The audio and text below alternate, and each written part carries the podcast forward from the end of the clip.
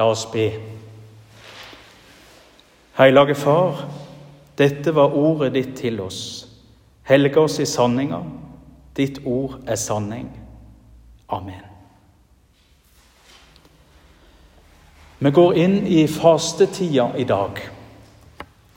Ei tid som handler om oppmerksomhet, om fokus. Fastetida den utfordrer oss på hva vi velger å bruke tid på, hva vi bruker pengene våre på, hva vi eter, osv. Det handler om hva vi har fokus på, på hva eller hvem vi har blikket vårt festa på.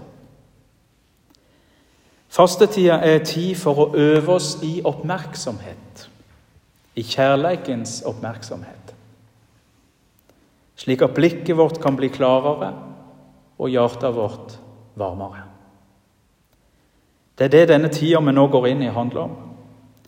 Ei forberedelsestid til den store festen, til påskefesten, oppstandelsesfesten. Det som hele trua vår står og faller på. Og Så har vi fått en preiketekst denne askeonsdagen. Jesus møter noen skriftlærde fariseere, som han ofte gjør.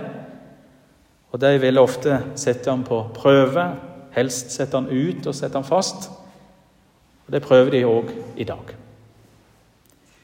Denne gangen vil de se et tegn, et under, et bevis. Bevis at du er noe. Vi tror det ikke før vi får se det. Men de får svar. Ei vond og utru slekt krev teiken. Men hun skal ikke få noe annet teiken enn Jonah-teiknet. Når vi hører Jesus svar, er det fristende å tenke Kunne ikke Jesus bare gitt dem et tegn, et under, et bevis? Han hadde jo flere av dem på CV-en sin. Bare noen vers før teksten vår driver han ut vonde ånder. Noen kapittel før hadde han fått en lam til å gå og en spedalsk til å bli frisk. Og historiene er mange. Det mangler ikke på evnene. Likevel får de ikke noe under. Men de får høre om Jonategnet. Jonategnet, Jesus han forklarer det sjøl. Slik profeten Jonas, som vi kanskje husker best fra søndagsskolen, var i buken på hvalen i tre dager og tre netter. Slik skal òg Jesus være tre dager og tre netter i jorddypet. Og så forteller han videre her er mer enn Jonah. Her er mer enn Salomo. De trong bare Jonah-teiknet. Alt det andre var bonus. Jesus kom bare for å gi oss ett tegn, og det var Jonah-tegnet. Han snakker om sin egen død og sin egen oppstandelse. Jonah-teiknet handler om mannen på korset, og det handler om den tomme grava. Ikke noe mer, men jammen ikke noe mindre. Hva forteller det oss? Jo, det forteller oss det samme som den romerske offiseren forteller oss da han fikk erfare jordskjelvet som skjedde da Jesus døde på korset, og forhenget i tempelet revna. Sannelig, han var Guds sønn. Denne Guds sønn er det vi vil komme nærmere òg denne fastetida. Til Han som alltid vil komme nærmere oss. Han som har gitt oss Jonah-tegnet. Det tegnet som forteller oss at Jesus har ordna opp. Jesus tok vår straff da han døde på krossen. Han gikk i døden, som vi skulle ha møtt. Men fra døden så spirer livet fram. Det nye livet, det evige livet. På søndag som var, så beskrev Jesus seg sjøl som kveitekornet som blir lagt i jorda for å dø. Men det skal ikke ligge der lenge. Det skal stå opp til nytt liv. Da forhenget i tempelet rivna, ble veien til Gud åpna. Offeret ble fullendt. Kveitekornet begynner å spire. Nå kan vi komme til Gud med alt. På grunn av dette er det vi vil samle oss om det vi kaller for skriftemålet i dag. Skriftemålet det er et rom hvor vi kan få gå til Jesus og legge av oss det tunge og vonde vi bærer på.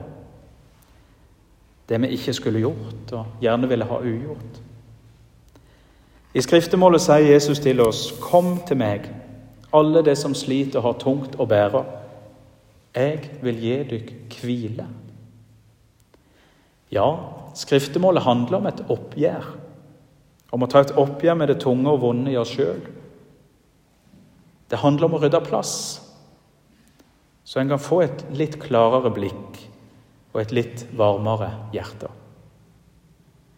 Og Derfor sømmer det seg godt å begynne fastetida med å legge av oss det som tynger oss hos Gud. I Bibelen får vi mange ganger høre om hva dette gir oss når vi sanner syndene våre, når vi taler sant og åpent om livet vårt til Gud. I salmene står det slik så langt som øst er fra vest, tar han syndene våre bort fra oss. Og I det første brevet sitt skriver Johannes dersom vi sanner syndene våre, er Gud trufast og rettferdig, så han tilgir oss syndene og renser oss for all urettferd.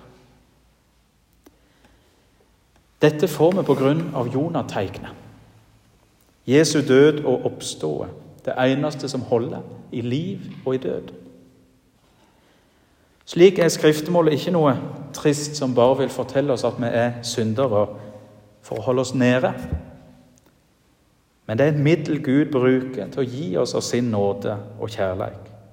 For å reise oss opp og for å hjelpe oss videre på veien. Den gode veien.